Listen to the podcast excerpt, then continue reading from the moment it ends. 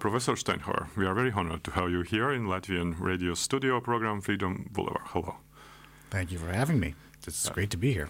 Professor, how do you think? Are we living in a historical times or are some times more historical than others? Uh, I would say that all times are historical. Um, historical meaning that they have histories that, that can be written about them. And our time will certainly have histories that are written about it. This, is, of course, assumes that there are historians in the future, which is not a given. It also assumes that we'll be around in the future, also not a given. But assuming that there are historians, uh, this will be a time that historians write about. Uh, it'll be a time that uh, I think raises a lot of questions. Uh, it also may be a time, uh, ironically, for which there may not be a lot of evidence to draw conclusions about. We can talk about why that is. Um, but certainly, each moment, each era is uh, interesting in its own right, unique in its own right, and has questions that will need to be answered by future scholars. But what is the past for you? How do you understand it? Can the past change over time, or it's a history that changes?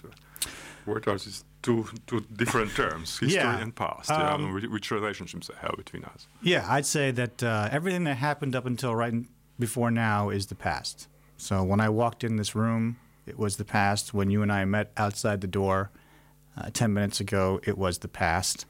History are the arguments that we make about the past. And those arguments are based on evidence.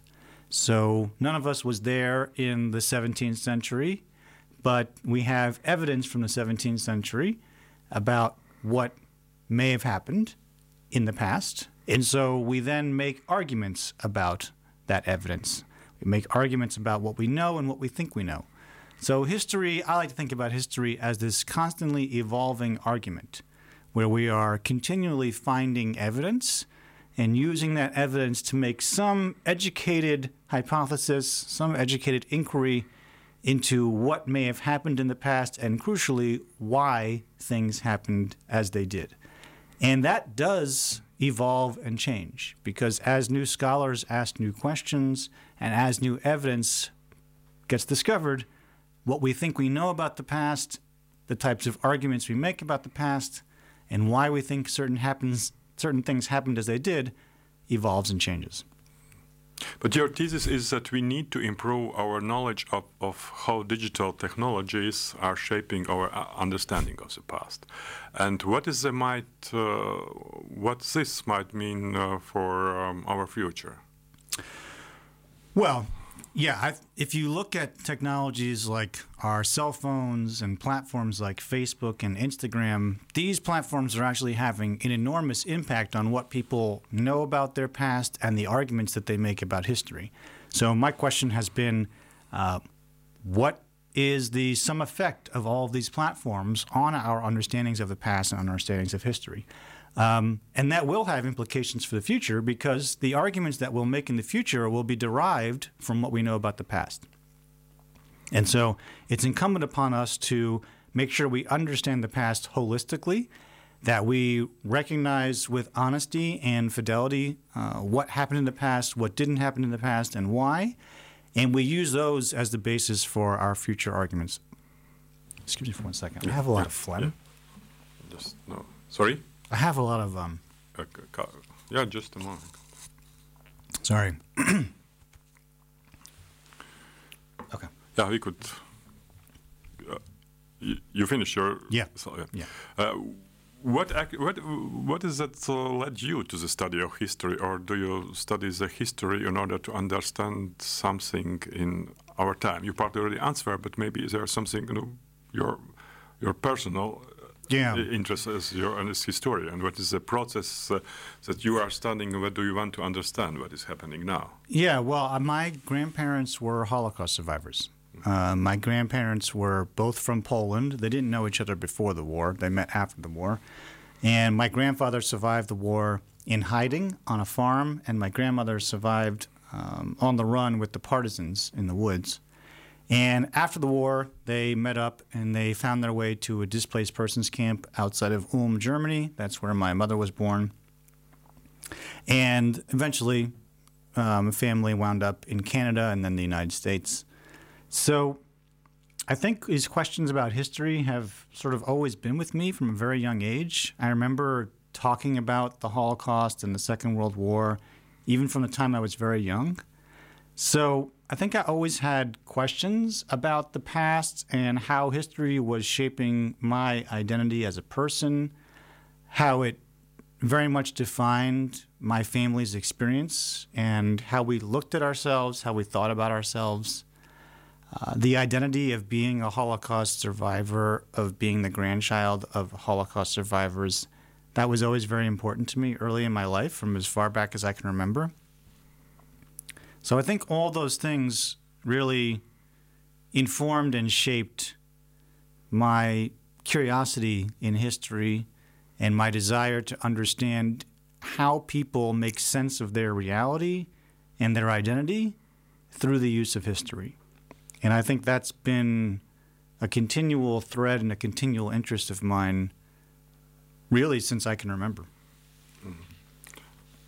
Do you want to understand something about nu, what is happening now? Even we, you need more water, maybe.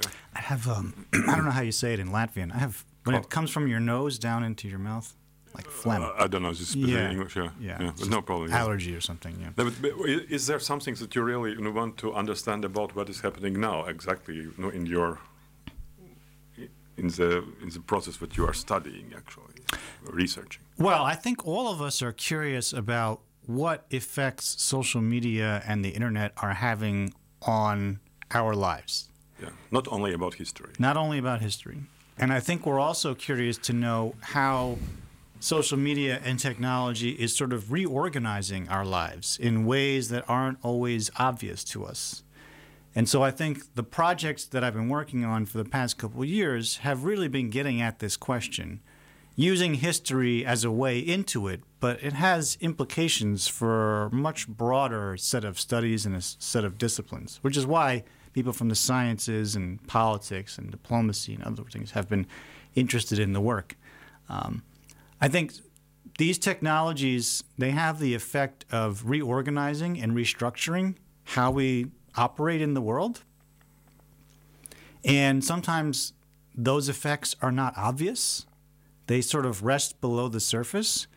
And so it requires us to do some excavation, some, some digging, um, to find out what these technologies are really doing to us and um, what questions we need to be asking about these technologies. And that's really, I think, what was the driving force behind uh, the book that I wrote and, and a lot of the stuff that I've been doing lately.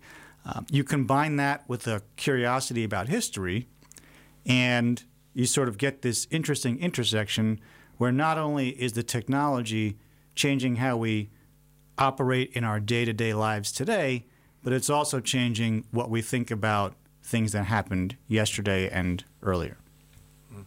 Uh, you are the author of a very popular book, History Disrupted, how social media and the World Wide Web have changed the past. And uh, one of your theses is that uh, history and the social network uh, work very differently, and the social network has also huge, uh, hugely transformed um, how we communicate the past and uh, we can make the observation, but uh, what is the fundamental problem with this that observation? How does uh, everyone who write about, about the history become a historian? Or every blogger is a, become a journalist or writer? Yeah, well, uh, there's a couple things there in your question. So the first is this question about gatekeeping and about boundaries, right? And so one of the things I talk about in the book is the notion that – uh, the web and social media have upended this sort of linear and traditional gatekeeping mechanisms that professions like journalism and history have had for a long time. It used to be that to be considered a historian, quote unquote, you had to go to undergraduate, graduate, get your graduate degree, get a PhD, do some sort of postdoc, then eventually become an assistant professor, or associate professor, and then maybe one day a full professor. You sort of had to follow that linear path to be considered a historian by your peers and by your colleagues and by broader society. Well, the internet has upended that. Basically, people can go online and start to blog or post or uh, do little videos on YouTube, and they can be considered a historian uh, by internet users and by journalists and by many other people in society. So it's sort of the internet has, on some level, removed some of the gatekeeping functions that journalism and history and science um, have previously had. Not entirely, but but somewhat. Um, there are some good things to that, because in the history profession, for example, at least in the United States, that gatekeeping, that linear path of credentialism, often kept a lot of people out of the profession kept uh, people of diverse backgrounds out, it kept people from marginalized populations out. And so, being more inclusive and more democratic and more pluralistic uh, is not necessarily a terrible thing. But one of the things I talk about in the book is that this also has created space for uh, disinformation campaigns, for propagandists, for conspiracy theorists, for other sort of more nefarious actors to use the web and social media as a way to propagate narratives about history that are not based in evidence and maybe not really based in strong argumentation, but to pass them off as quote unquote history. And so that is why the book really makes the argument that we need to do a better job of helping people understand and separate what makes a good historical argument from a not good historical argument, and how to recognize online whether some piece of e history that you're looking at is from a professional historian or from a disinformation agent who's posing as a historian. Russia Information Agency could be produced.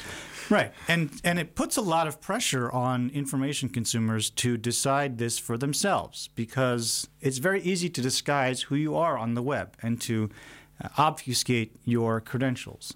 And so, if we understand a little bit better this universe of history online, then the thought process is we can help people uh, become more media literate information consumers and we can give them more tools to ask critical questions about the content that they see every day.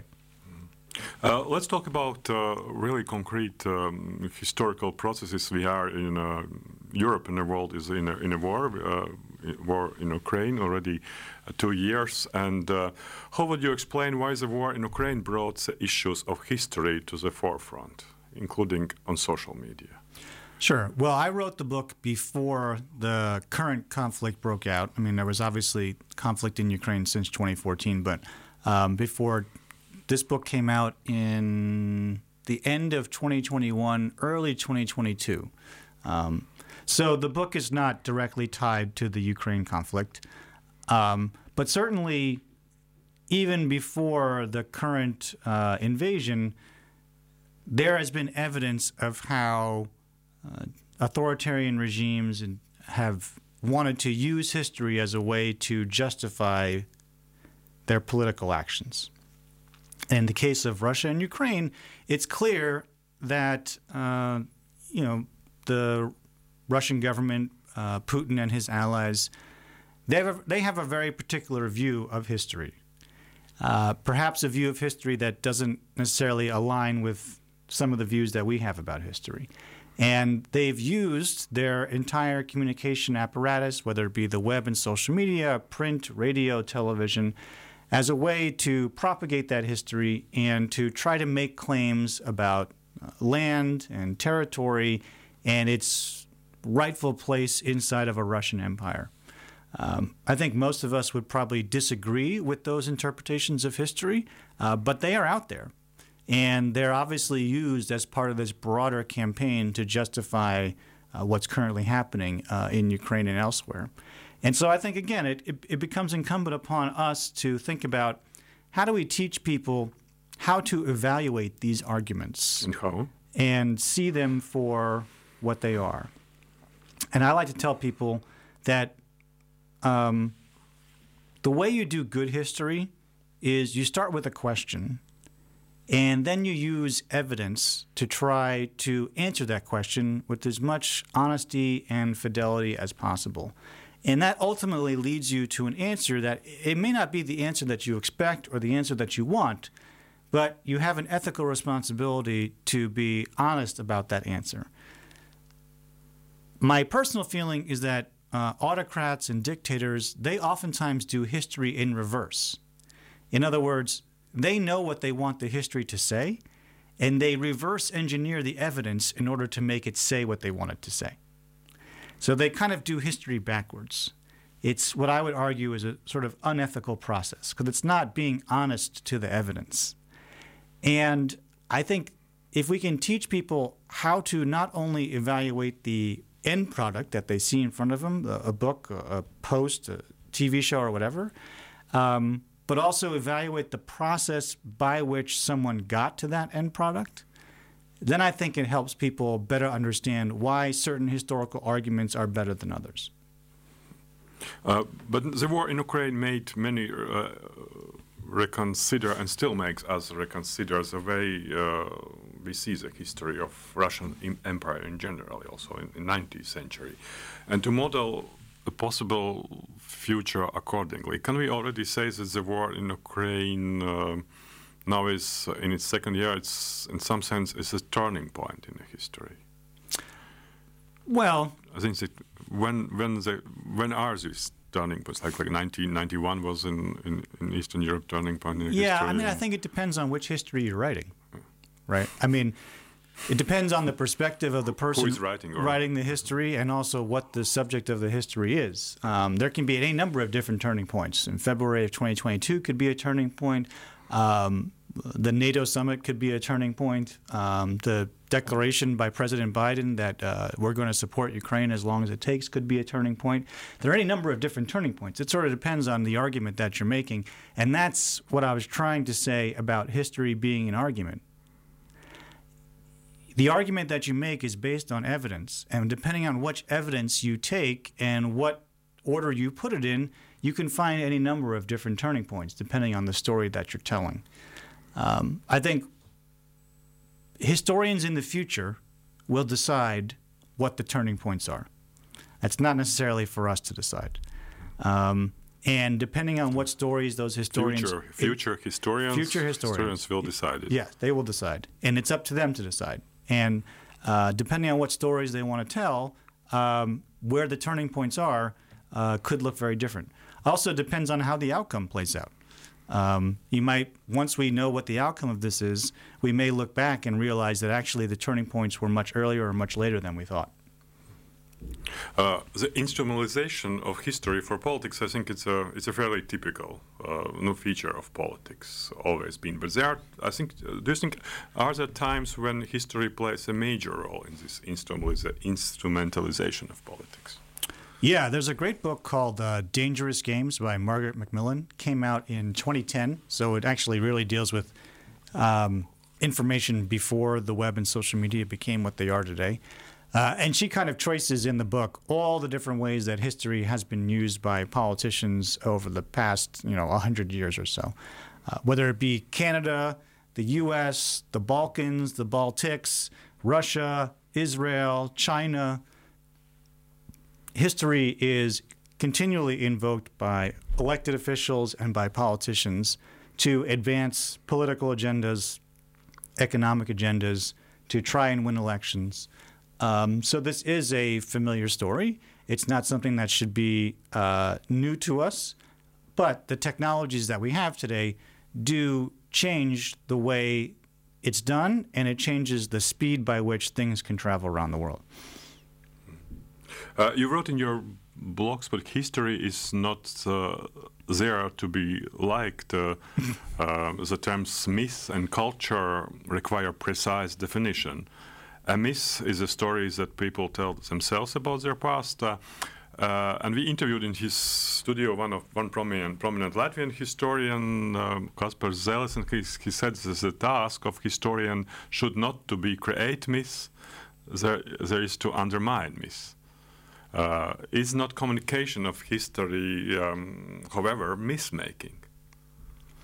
Um, well, I think professional historians might say that the communication of history is the communication of arguments, as I said earlier. history is an argument, and the argument is based on evidence. And depending on the evidence, it leads you to different conclusions about the, what may have happened in the past. Sometimes those are conclusions you don't agree with. So I would say that's different from a myth, right? A myth is uh, an origin story, a, a, a creation, a fanciful creation of what may have happened in the past, usually to try to justify something in the present. Um, so I would say making arguments based on myth, and, uh, excuse me, making arguments based on evidence and uh, creating mythical interpretations, mythical stories are two different things. Now they both require communication, um, but I would say that that's probably where the similarities end.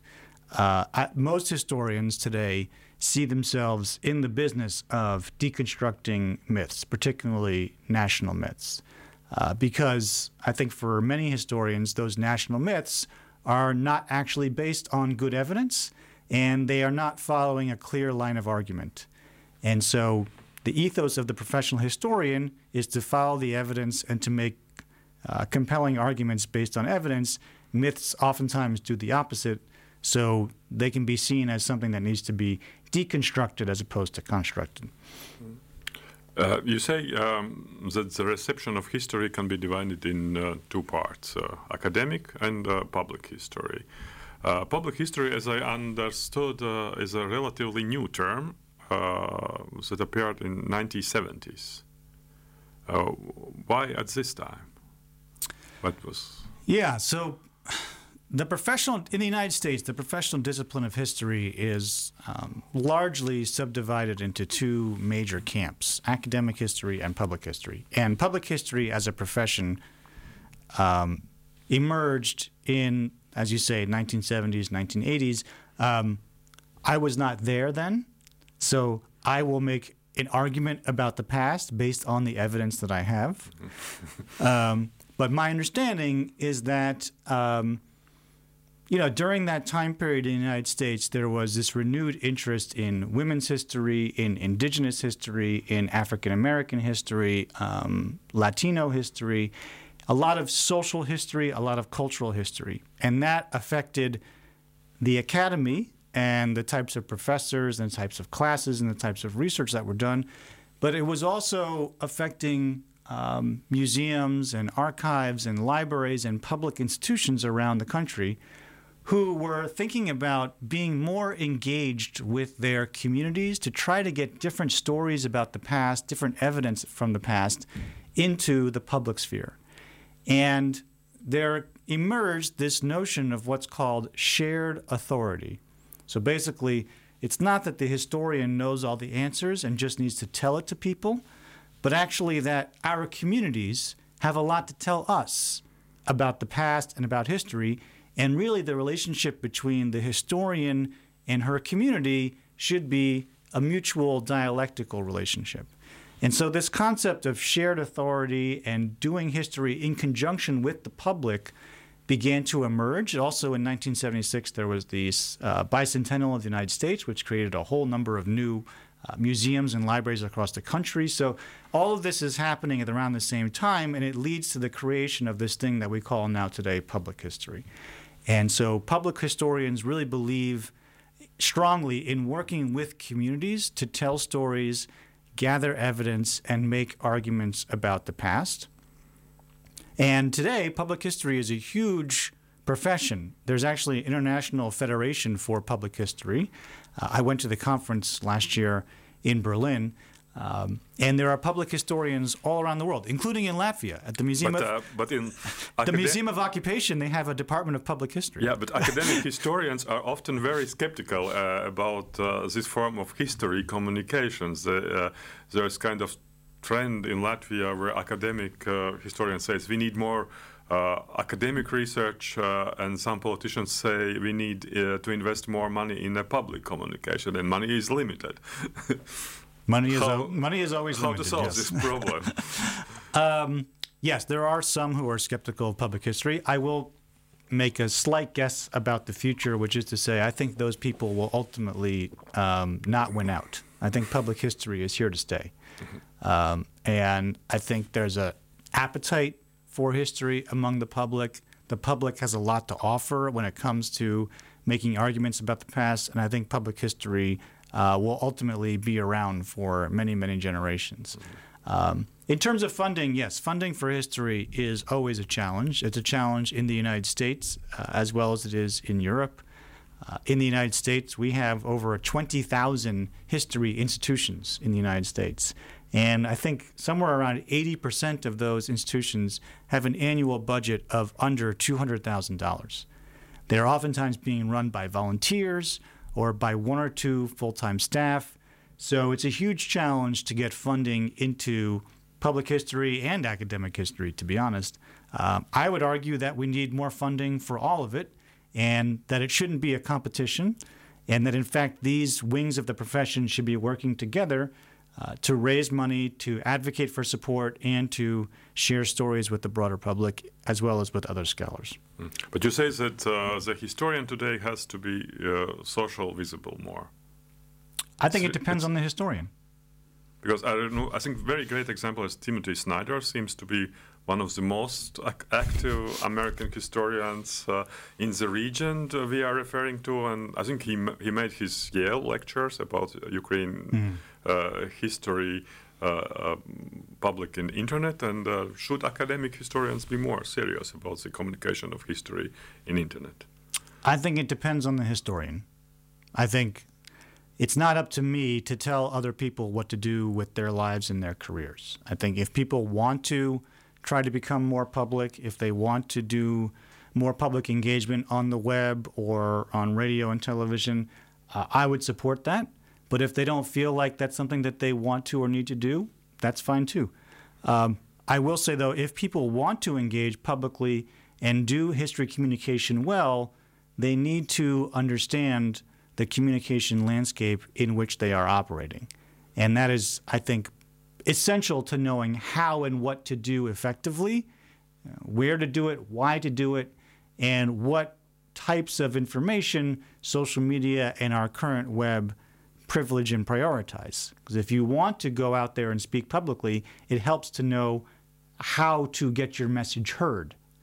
And that's part of, I think, what we're trying to do with this e-history, history communication, my book, is we're trying to give professional scholars a little bit more insight into how these platforms work because they could use that insight to improve the way they communicate history online. But you have introduced this concept of e-history, which seems, uh, I would say, more question of source of history and the way in which uh, its content is uh, disseminated. E-history are discrete media packages that take an element or elements of the past and package it for consumption on the web and then try to leverage the social web in order to achieve visibility. That's the definition of e-history from my book. So it's not just about the location where the communication happens, whether it be online or on a digital platform. It's also about how you leverage that platform in order to make sure that your communication, your piece of e history, shows up in people's news feeds. But you also started to explore how this e history uh, are changing the reception of history. Uh, can you give some uh, give examples of that? Um, yeah, so I think one of the things I talk about in the book is how uh, there are certain ways of doing e history that seem to be more successful than others. And so once people learn how to do e history in ways that the platforms will reward, those patterns get repeated over and over and over again. And so, for example, uh, I talk about how Facebook as a platform really rewards nostalgic e history content. And so, as people learn that nostalgic e history content gets rewarded by Facebook over and over and over again, they produce more of that content. So, in that sense, e history changes the types of historical stories that get told, and it changes the way people communicate history. History communicators learn to communicate that way because that's what the platform rewards, and consumers of e history online also get used to seeing e-history packaged in those formats. Um, you started your historian work uh, in the beginning of your career at the Holocaust Museum in New York. Mm-hmm. Right. Uh, the Holocaust is one of the gra- uh, biggest tragedies of 20th century that has been very often instrumentalized and in politics and communication. And we are seeing uh, this now too, with Putin and his propaganda machine reviving the concept of Nazism in their propaganda with the nationality of uh, the Ukrainian president. Uh, Russian leader attacked Zelensky, I think, uh, his Jewish heritage. Mm. And uh, how can this kind of policy style be opposed? Well, I think this is where we need professional historians to um, untangle these questions for us and uh, communicate them to public audiences. People like Timothy Snyder do a good job of this, as you mentioned earlier. Um, we need to ensure we have professional historians who can make arguments based on evidence and um, make sure those arguments are honest and ethical. And uh, I'd say that some of these arguments that you're alluding to are not honest and ethical. And so we need to be able to teach people uh, which arguments are good and which ones are less good. Hmm. Uh, is Wikipedia uh, a source of history for you? It is certainly a source of e-history. Yes. Uh, then is, uh, I found very interesting thesis um, uh, on your website for topic which is very actual also has been in Latvia uh, and you, you wrote statues tell us more about the monuments in which they are erected than they do about the figures they depict. You write on your blog, but so, societies change. Statues take uh, on new meanings and lose their old ones. This is not something we should resist, but uh, rather embrace. We should not fear that we are changing history. History is always changing, whatever we actively participate or not. Um, uh, history is changing, but what uh, do you suggest we do with uh, old statues in a public setting if uh, they are losing uh, the meaning for which they were put up? Uh, for example, Russian tank in the Tiergarten Park in Berlin must be removed. Well, I would say I'm a big believer in democracy, and so I think that um, communities um, can decide for themselves what they want to do with their own statues. It's not up for me to tell them. Uh, if people vote to remove statues and take them down, then they can take them down. I'm not. I think the point of that piece was to say that, um, you know, our understanding of the past is constantly evolving and changing. Our arguments about history are constantly changing, and that includes uh, how we feel about the monuments and statues around us. We're not obligated to keep something in place just because it has been there. We have the option to remove it. It's up to us. Our opinions about it might change. Our philosophy about it might change. Our understanding of why it was put there in the first place might change. And so we do have the opportunity to remove things that we no longer want, uh, to take them and put them in museums or put them in parks or explain them with more uh, interpretation, or we can leave them where they are. But I think that's a decision that ideally, I think um, democratic uh, states, democratic communities would make among themselves. Um, you know, I think this the whether an individual statue or an individual thing in this particular place needs to come down or not is probably not for for me to decide. But I, I do think that um, just because a statue has been there for a long time doesn't need doesn't mean it needs to continue being there for a long time. Okay. Um, uh, is there a risk uh, in the way social media algorithms function, the algorithms created by technology, in the way uh, historical themes are actualized? We have already seen uh, this recent history with the politic, political election process. How did social media influence this? Can you say that again? Sorry. Is there a risk uh, in the way the social media algorithms function, the algorithms created by technology, uh, how they uh, actualize particular historical moments? Because there was, uh, we, we saw in election process, political election process, how social media influence this process and it's also social media could influence this way our reception of some historical moments well, yes, especially this uh, manipulation algorithm yeah. is algorithm is really helpful for for this manipulation process of information. Well, an algorithm is just a formula, right? And so the question is, what goes into that formula, and who creates that formula, and what assumptions are built into that formula? And who creates this formula? Yeah. Do you know who creates this formula? Well, for big platforms, these formulas have been created over time. So basically, there's an algorithm that initially was created however many years ago, yeah. and then it constantly gets tweaked and evolved, and different things get weighted, and different things get importance, and some things get taken out, some things get put in. So it's not so easy as to say there was just one person. Uh, but the point is that uh, an algorithm is a formula. It tells you how much weight to give a certain item, and then to based on that to give you more of an item. So if the algorithm realizes that you spend most of your time looking at videos of football, uh, particularly videos of football played in Latvia, and particularly a certain team in Latvian football, then it will make a calculation that it wants to show you more of that Latvian football team. Right? It's just a formula, a predictive formula. And so, yeah, there absolutely are dangers when that is applied to politics because it can very easily uh, lead us into filter bubbles, into only seeing the same types of content over and over and over again. It can drive polarization. Uh, it can spread disinformation. All of those dangers are existent when you're relying on a formula to make judgments that should be made by human beings. Um, so, this is, I think, one of the reasons why uh, people have been so critical of platforms like Facebook and Twitter uh, because the formulas that go into their algorithms are not very well understood. Uh, and they do have dramatic effect on what people know about the world, including their politics and their history.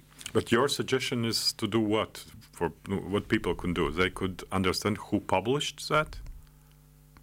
My suggestion would be that we need to teach people better how social media platforms work and why certain people see certain types of content on them. Yeah. If I see, for example, some, I don't know, nostalgic pictures about Soviet Empire mm-hmm. from time to time on my f- Facebook lineup, mm-hmm. and I always have a question: why? Mm-hmm. Well, Facebook privileges nostalgia, so that's why. uh, uh, how can artificial intelligence be useful for for for historical research? Um, I'm not. I don't know. I'm not sure it can. I think it could potentially synthesize a lot of information and make it easier to look through evidence and to make arguments about that evidence. But I think it also could be used to take shortcuts and to plagiarize and to take other people's work without permission. So uh, I think artificial intelligence raises a lot of questions. I think we still um, there's a lot more that we need to learn about artificial intelligence before we can say definitively um, what effects it's going to have. Uh, you could not say it's a new dangerous area which we are expecting for history. I am very concerned. Thank you, Professor. Thank you again.